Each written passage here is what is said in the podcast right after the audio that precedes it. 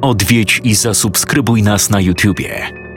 Bądź na bieżąco z nowymi filmami i słuchaj jeszcze więcej mrocznych historii. Mystery TV Więcej niż strach.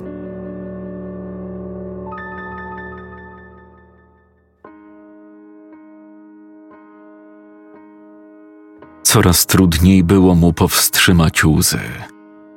Próbował odegnać posępne myśli, lecz za każdym razem, gdy wpatrywał się w czarno-białe zdjęcie opatrzone czarną wstążką, coś ściskało go w środku. Ból, żal, tęsknota. Wszystko naraz. Strata przyjaciela odcisnęła na nim tak silne piętno, że został odsunięty od służby na ponad dwa miesiące. Lekarz zalecił mu odpoczynek i wyjazd do innego kraju, aby nabrał dystansu do całej sytuacji. On jednak w tym czasie leczył smutki alkoholem, hazardem, a także mocnymi używkami. Nic jednak nie przynosiło ukojenia. Dopiero powrót do straży pomógł mu dojść do w miarę względnej normalności. Potrzebował tego. Potrzebował stanąć w szranki z niebezpieczeństwem i znów poczuć przypływ adrenaliny. A mimo to wciąż budził się w nocy, słysząc krzyk przyjaciela. Pamiętał to jak dziś. Tamtego wieczoru żywioł pochwycił w ogniste macki pięcioro dobrych ludzi. Czterech cywili oraz młodego strażaka, który miał przed sobą całe życie. Paweł, najlepszy przyjaciel Tomasza, odszedł w płomieniach niczym zasłużony w boju strażak, choć mundur otrzymał dopiero kilka miesięcy przed śmiercią. To właśnie Tomasz namówił go na wstąpienie do służby, czego teraz szczerze żałował. Poczucie winy nie pozwalało mu normalnie funkcjonować. Pośmiertne medale oraz uroczysty pogrzeb nic nie zmieniły. Rana w sercu była zbyt głęboka, aby po prostu zapomnieć. Tomasz wiedział, że nic już nie będzie takie samo. Pozostał mu tylko smutek i wyrzuty sumienia. Wyjazd zastępów GBA, GCBA i SHD. Pożar budynku przy ulicy Wiślanej 15. Powtarzam, wyjazd zastępów GBA, GCBA i SHD. Pożar budynku Wiślana 15. Tomasz powrócił do rzeczywistości. W ciągu chwili wyzbył się przykrych wspomnień, a ciało zaczęło funkcjonować zgodnie z utartym schematem działań. Szybkim ruchem przetarł wilgotny policzek i poderwał się niczym rażony prądem. Wyjazd, wyjazd! Po korytarzu niosły się krzyki strażaków. Wszystko działo się tak błyskawicznie, że dla zwykłego obserwatora mogło wyglądać to jak chaos, a nie sprawna organizacja zastępu. Tomasz jednak doskonale wiedział, co ma robić.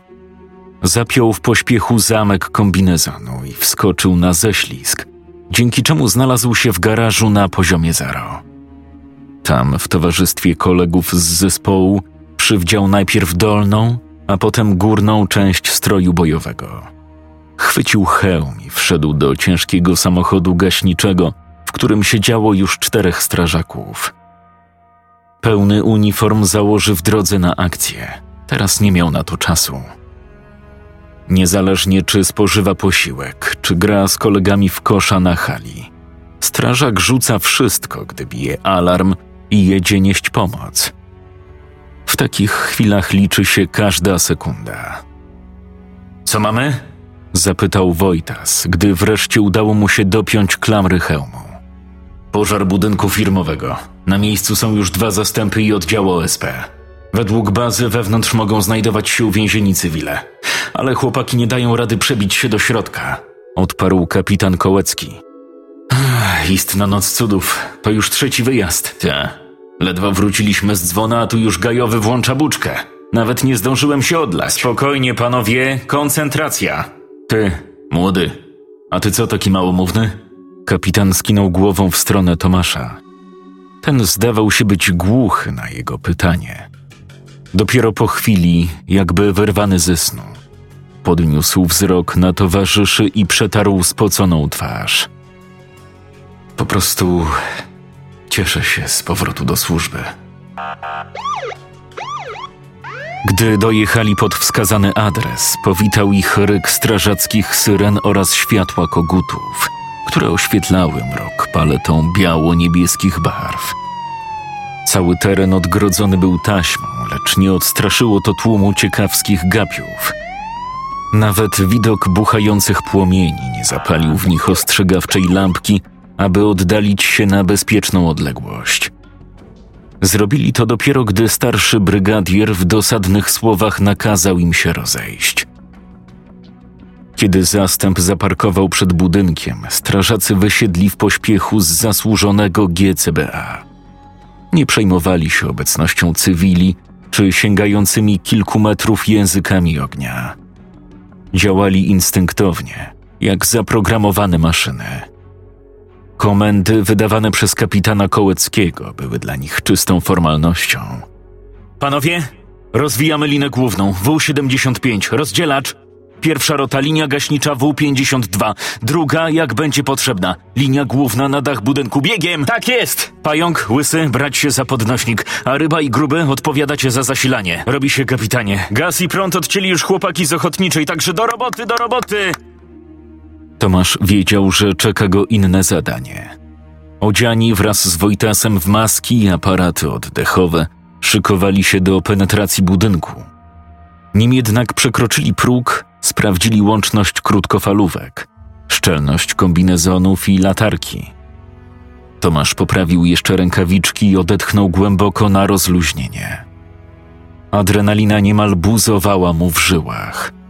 Czuł strach, ale jednoczesny zastrzyk energii oraz ból napiętych mięśni. Gotowy? spytał Wojtas. Mężczyzna skinął głową, po czym ruszyli w stronę głównego wejścia.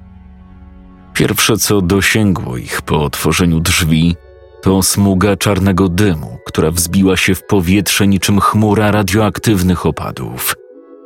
Przez moment nie byli w stanie dojrzeć siebie nawzajem. Nie pomagały im nawet latarki.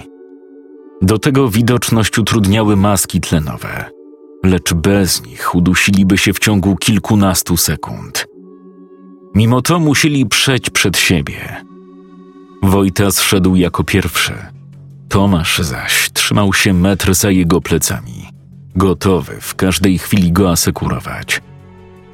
Gdy w końcu dostrzegli pierwsze płomienie, skierowali linię gaśniczą na podłogę i ściany, aby ograniczyć rozprzestrzenianie się ognia.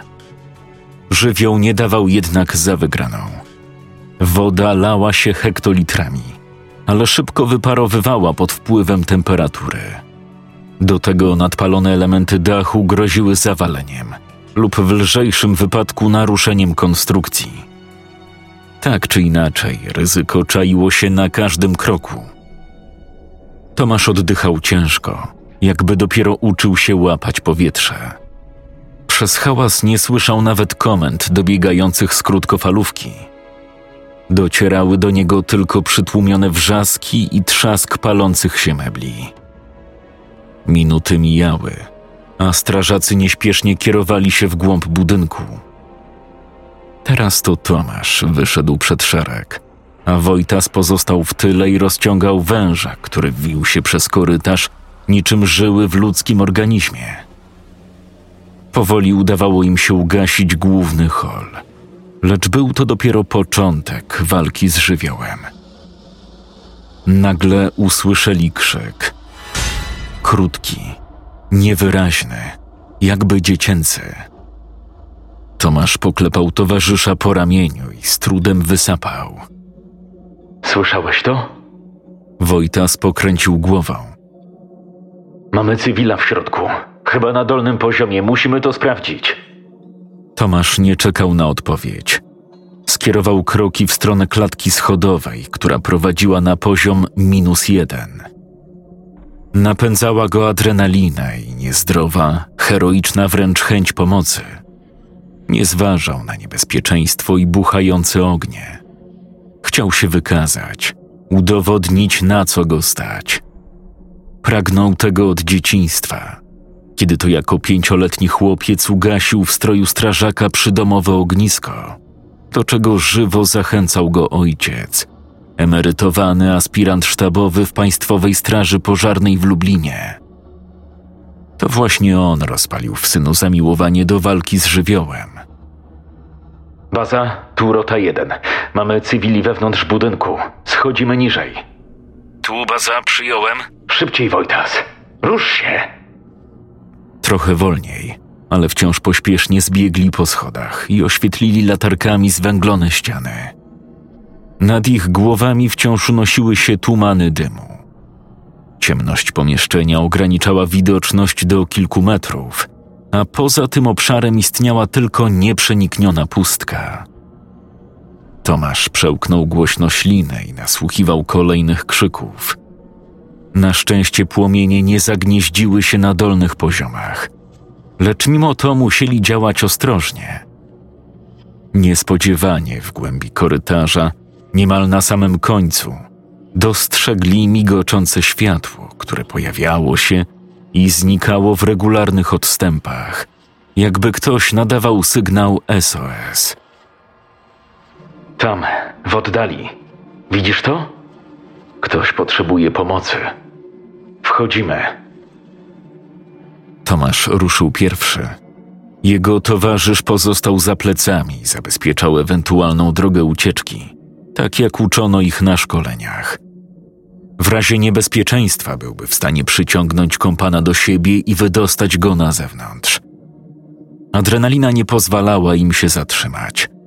Pomimo strachu oraz niepewności, brnęli w stronę światła, choć dobrze wiedzieli, że są zdani wyłącznie na siebie.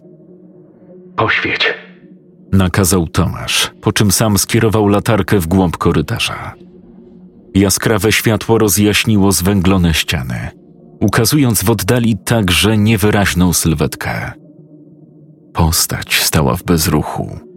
Zdawała się czekać na ich reakcję. Ku zdziwieniu mężczyzn, nieznajomy nie był zwykłym cywilem, jak początkowo sądzili, ale miał na sobie coś na wzór spalonego kombinezonu strażackiego. Podobny do tego, jaki nosili Wojtas i Tomasz, lecz w kolorze piaskowym z wyraźnymi elementami odblaskowymi. A do tego dzierżył topór. Zadrżeli. Halo? Wszystko w porządku? Przybyliśmy pomóc. krzyknął Tomasz, lecz jego głos niknął wśród hałasu pożaru. Wojtas wpatrywał się w postać zahipnotyzowany. Czuł, jak po plecach spływa mu pot. Nie wiedział jednak, czy pod wpływem wysokiej temperatury, czy strachu. Jesteś ranny? Odezwij się. Nieznajomy stał niczym woskowa figura i wlepiał w nich niewidoczne ślepia. Trudno stwierdzić, czy czekał na podejście strażaków, czy to raczej oni czekali, aż on wykaże inicjatywę. Wbrew oporom, Tomasz wykonał kolejny krok i zbliżył się do postaci, a następnie skierował światło latarki na jego twarz. Chciał się upewnić, że ocalały jest zdrowy i nie doznał żadnego urazu ciała. Nie mógł jednak tego ocenić. W ciemności dostrzegł bowiem tylko pękniętą maskę gazową i hełm z numerem 6. Ej, słyszysz mnie? Jak się tu do cholery znalazłeś? Gdzie twój zespół? Zamiast odpowiedzi usłyszał dziecięcy płacz, który dobiegł z innego pomieszczenia. Momentalnie zbladł, lecz szybko zebrał się w sobie i szturchnął Wojtasa. W tej samej chwili postać odwróciła się i skierowała w głąb budynku, gdzie nie docierało światło latarek. Strażacy spojrzeli po sobie jak na komendę ruszyli za nią. Tomasz przodem, Wojtas nieco z tyłu, cały czas ciągnąc za sobą wąż. Ich reakcja nie trwała dłużej niż dwie sekundy. Lecz to wystarczyło, aby nieznajomy zniknął w mroku jak gdyby istniał tylko w ich wyobraźni. Jednak płacz był realny. Niemal wdzierał im się do głów i powodował drżenie w kończynach. Zwolnij. To niebezpieczne. Tomasz zignorował polecenie. Nie mógł pozwolić, aby ktoś zginął w płomieniach. Nie tym razem. Szarawy dym utrudniał orientację w ciemnych korytarzach. Latarki też ledwo dawały radę wskazywać drogę. Dlatego musieli zdać się na słuch. Gdy wydawało im się, że są już blisko, z sufitu zaczęły odpadać kawałki tynku, a zaraz po nich runął cały strop. Na szczęście zareagowali w porę. Wojtas rzucił się przed siebie i upadł na podłogę, a Tomasz szybkim ruchem odciągnął go od spadającej belki. Nie mieli już możliwości powrotu. Cholera. Dzięki. Mało brakowało. Wstawaj. Nie czas na odpoczynek. W takich chwilach człowiek działa automatycznie. Emocje i strach odchodzą na dalszy plan, a ich miejsce zajmuje instynkt, który dąży do przetrwania. Widzisz go? Nie. Ale Ponownie usłyszeli płacz, który szybko zmienił się w pisk. Tym razem głośniejszy, jakby bliższy i wypełniony większym bólem. To wpompowało w ich ciała kolejną porcję adrenaliny. Tomasz otrzepał się z pyłu, a Wojtas podniósł z podłogi latarkę, która wciąż oświetlała pozbawione prądu korytarze. szukajmy dziecka. To najważniejsze. Musi gdzieś tu być. Niezrażeni trudnościami ponownie ruszyli nieść pomoc. Wszak na tym polegała ich praca, aby pomimo problemów ratować i walczyć o życie niewinnych ludzi, nierzadko narażając przy tym swoje zdrowie. Wiedzieli na co się piszą, więc nie mogli teraz od tak się wycofać. Ostrożnie przeczesywali kolejne pomieszczenia.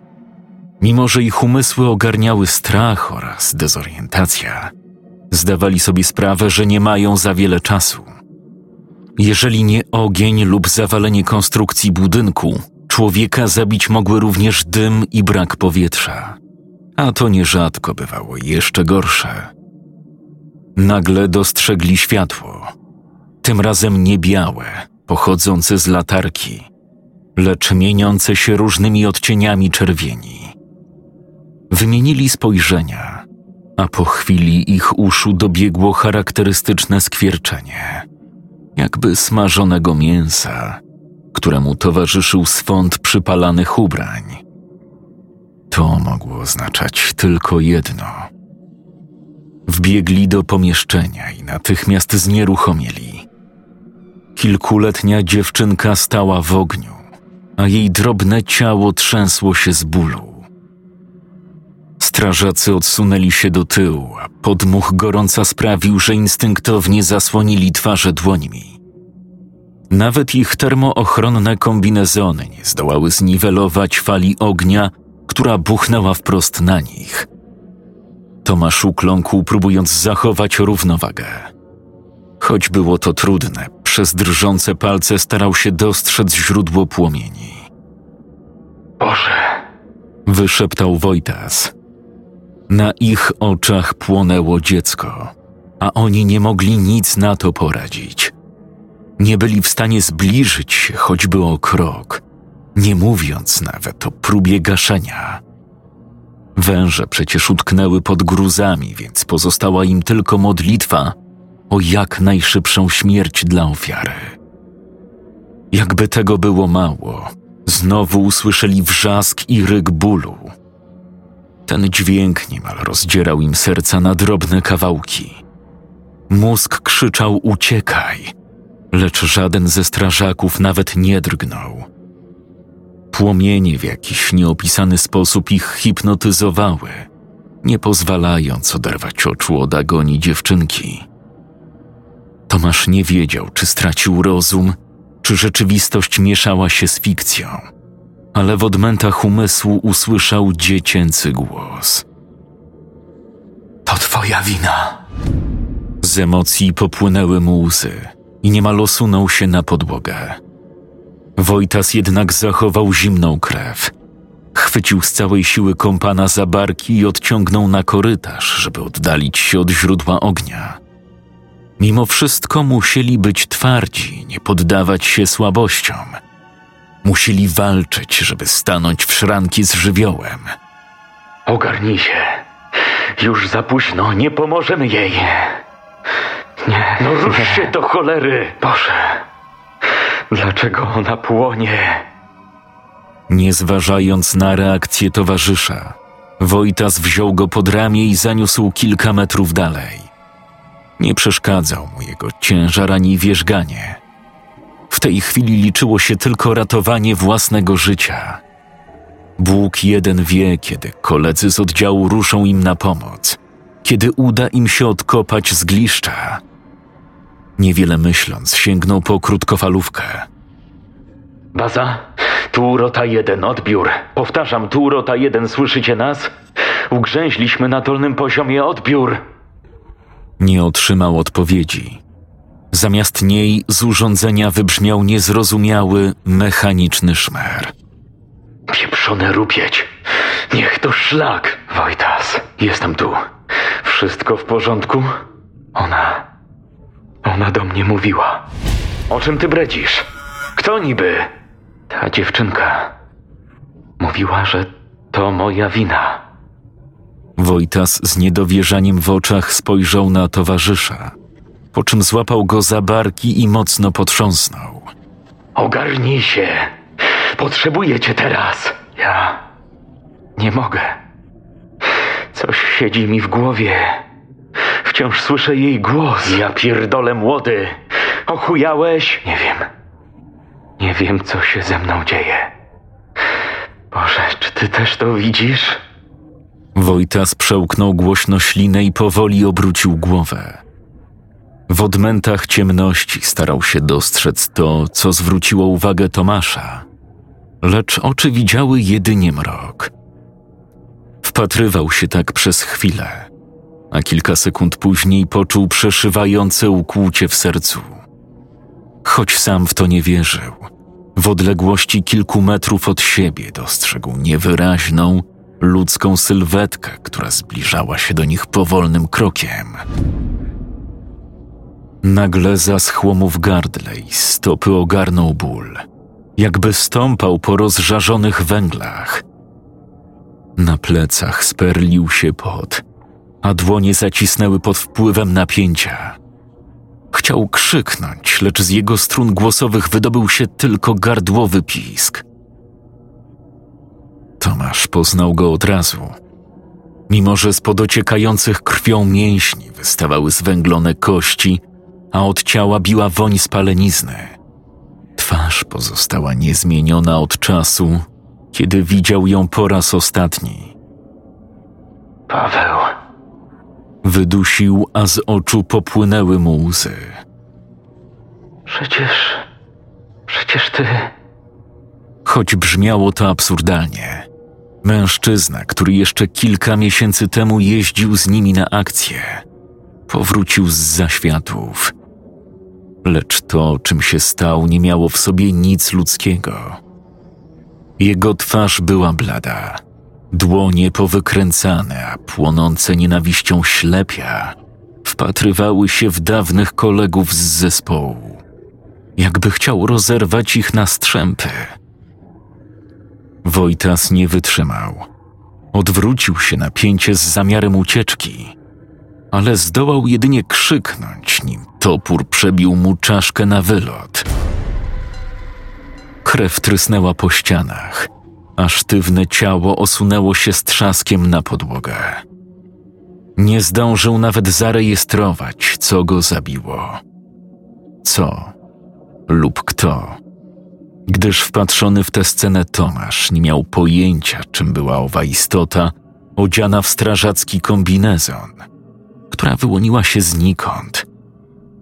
Ta sama, która kilkanaście minut temu nadawała sygnał SOS, czym zwabiła ich w piekielną pułapkę. Ciemność zdawała się pusta, a jednocześnie tak gęsto wypełniona cierpieniem, że Tomasz ujrzał mroczki przed oczami. Nie wiedział, czy to, co się działo, było wytworem jego chorej wyobraźni, czy naprawdę miał styczność z widmem zmarłego przyjaciela oraz czymś, co pragnęło zatopić topór w jego trzewiach. W gruncie rzeczy oba scenariusze wydały mu się równie przerażające. Chciał uciec, oddalić się w bezpieczne miejsce, ale ciało nie było w stanie wykonać poleceń płynących z mózgu. Mógł jedynie łypać wzrokiem pomiędzy istotami, co napawało go jeszcze większym strachem.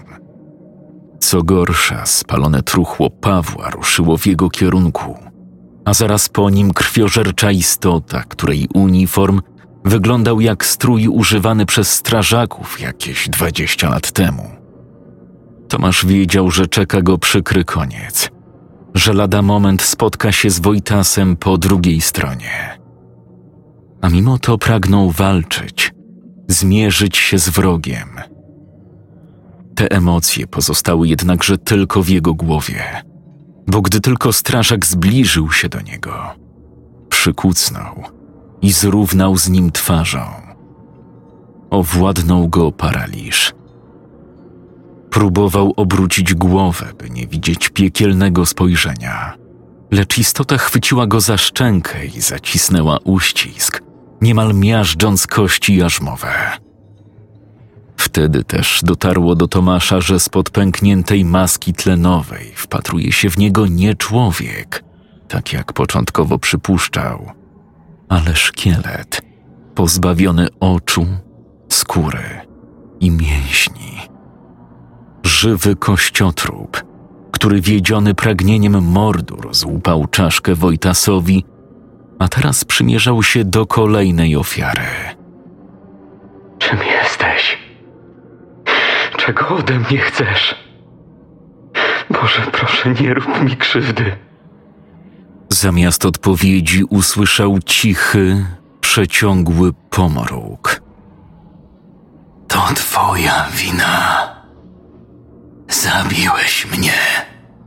Odparło widmo Pawła i również zbliżyło twarz do Tomasza. Co? Jak? Nie mam pojęcia o czym... Zobacz, co ze mną zrobiłeś. Zobacz, kim się stałem. Ale... ale przecież... Ten ból był nie do zniesienia. Nawet sobie nie wyobrażasz, jak to jest płonąć żywcem. Gdy skóra spływa po twych mięśniach, gdy topią się gałki oczne, gdy czujesz smród swoich spalonych wnętrzności. A to wszystko przez ciebie. Przez pieprzoną chęć wykazania się przed ojcem. Przepraszam. Nie mogłem przewidzieć, że... Nie. Nie mogłeś. Ale to nie ma znaczenia. Ogień, który podłożyłeś, stał się moim grobowcem. Stał się drogą do koszmaru. Proszę. Wybacz mi. To był jeden, jedyny raz. Łżesz. Nawet teraz, patrząc mi w oczy, żałosne. Od dawna podejrzewałem, że ostatnie pożary były twoją sprawką. A mimo to chciałem cię bronić i przymknąć oko na te drobne podpalenia. I do czego to doprowadziło? No powiedz mi do czego? Stwór z całą siłą przyłożył dłoń do twarzy Tomasza. Skóra zasyczała pod wpływem gorąca i przylepiającej się do policzka roztopionej maski gazowej. Palce wbiły się tak głęboko, że niemal dotknęły kości, a ślina wyparowała z jamy ustnej. Tomasz krzyczał i wił się niczym węgorz, ale nie był w stanie uwolnić się od nacisku. Jego paniczny wrzask poruszył konstrukcją budynku tak, że z sufitu opadły osmolone strzępy tynku. Zabiłeś nas.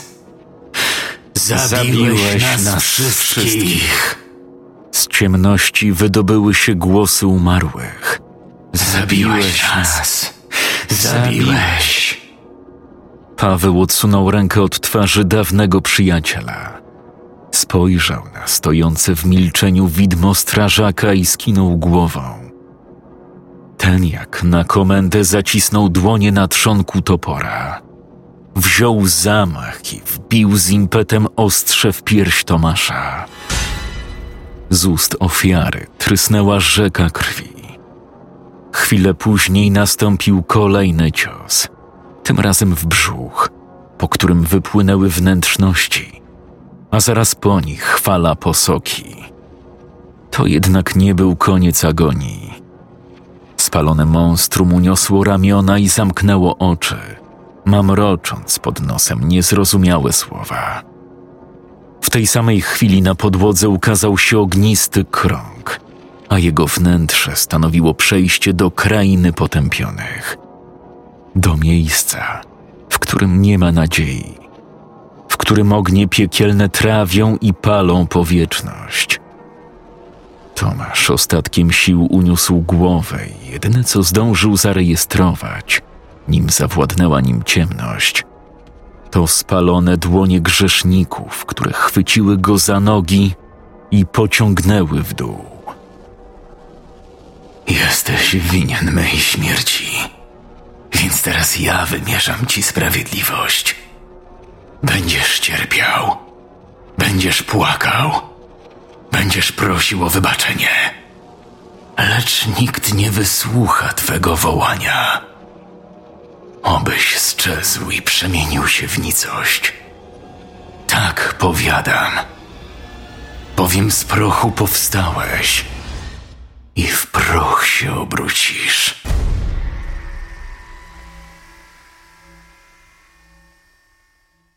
Scenariusz Adrian Iwaniak. Czytał Jakub Rutka.